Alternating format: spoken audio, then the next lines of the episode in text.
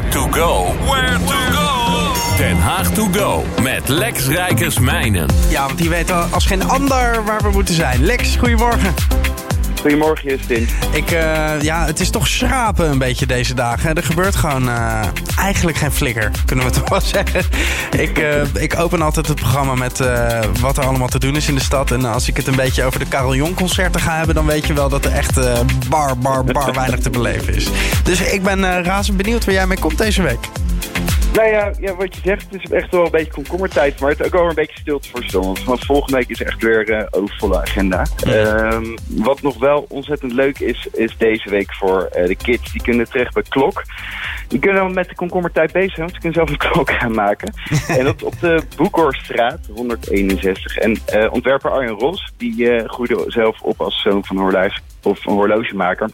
Dus die, uh, die ja, heeft zijn hele leven niks anders dan een uur werken gezien. Mm. En uh, die neemt de kids mee uh, eigenlijk op woensdagmiddag... Ja, dat ze zelf creatief een klok kunnen gaan maken. En zo'n workshop kost 12,50 euro. En het is geschikt voor kinderen tussen 6 en 12 jaar.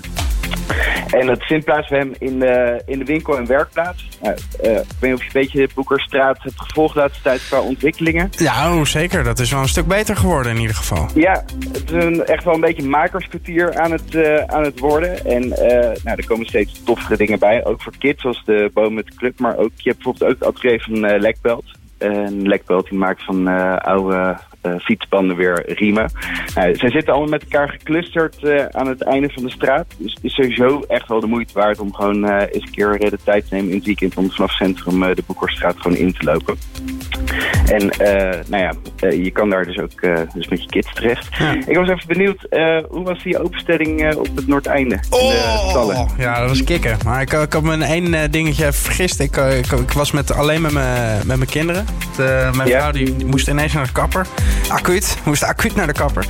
Dus ik, en je kan daar niet met, een, met een kinderwagen naar binnen. Want je hebt allemaal die hele gigantisch grote marmeren trappen natuurlijk. Dus ik ja. liep met een, met een net iets te zwaar kind op mijn arm de hele tijd. Dus het was pittig, maar het was echt heel tof om een keer van binnen te zien. Echt mega indrukwekkend. Um, ja, dus mooi. Ben jij ook geweest, of niet? Ik heb het vorig jaar mogen zien. Ah. Uh, ik vond het super indrukwekkend. En we hadden, we hadden toen een tour uh, uh, met iemand ook van het Koninklijk Huis. Oh, ja. Die eigenlijk natuurlijk echt alles van de hoed tot de rand kon vertellen. Dus dat ja. wel heel gaaf. Er zijn dus nog kaarten dit weekend voor Koninklijke Stallen. Dus, um, oh ja. Ja, de stallen ben ik maar, ook geweest. Vond ik ook leuk. Er, er zijn nog meer openstellingen. Want als we het over openstellingen gaan hebben, dan is het komkommertijd. Precies. Vredespaleisje. Kom er maar in. Nee, dat vredespleisje daar hebben we het al eerder over gehad, maar de grootste klok van Den Haag. Oh ja, ja, ja.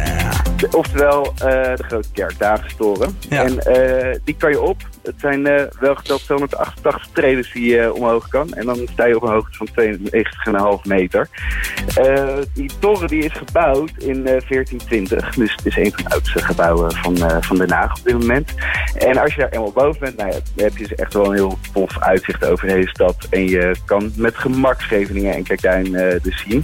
En wat ik wel grappig vind, en als je daar dus ook die rondleiding krijgt, gaan ze dus ja, meer vertellen over die Haagse toren. En uh, die toren werd helemaal niet alleen maar gebruikt als klokkentoren, maar ook als uitkijkpost voor uh, vijandelijke invallen uit zee. Oh ja. Um, en uh, waar wij uh, een verhaal hebben nu uh, met de Notre Dame, hadden wij dat eigenlijk in 1539 dus ook al met, met die toren. Want toen is door een blikseminslag ooit een stuk van die kerk afgebrand.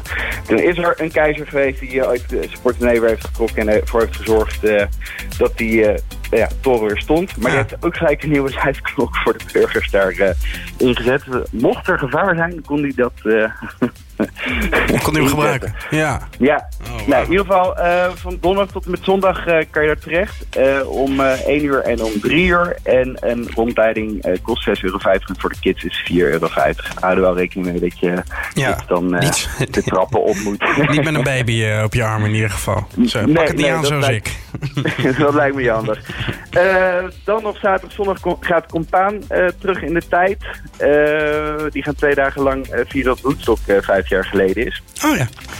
En uh, er zijn uh, heel veel verschillende DJ's zoals Espresso Records en de hele, uh, ja, het hele weekend wordt gehost door Ome Steve. En ze hebben daar nog wat te vieren, want ze mogen gisteren, sinds gisteren noemen dat ze de beste handelaar van de wereld hebben. Ja, ik, Oftewel, ik, heb, net, ik heb net gedronken, ze zijn net weg.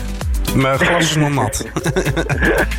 ja, wat voor ervan? Ja, ik ben niet echt een, uh, een, uh, een bierdrinker. Nou, helemaal geen speciaal bierdrinker. Maar ik vond het, uh, ik, die twee slokken die ik heb genomen, vond ik, vond ik best aardig. En ik had natuurlijk wel ook nog een andere pro in de studio. En die vond hem formidabel. Dus okay. goed gekeurd. Tof. Ja. ja wat ik wel ik vind, ze doen dus al gewoon 4000 liter per maand. Dus, ja. uh, en ze willen nu gewoon dus uh, nou ja, zorgen dat de handlanger in ieder geval Haagse trots dus over de hele wereld te krijgen is. Vind ik gaaf. Ja. Overigens over uh, Woodstock gesproken, 15 jaar geleden.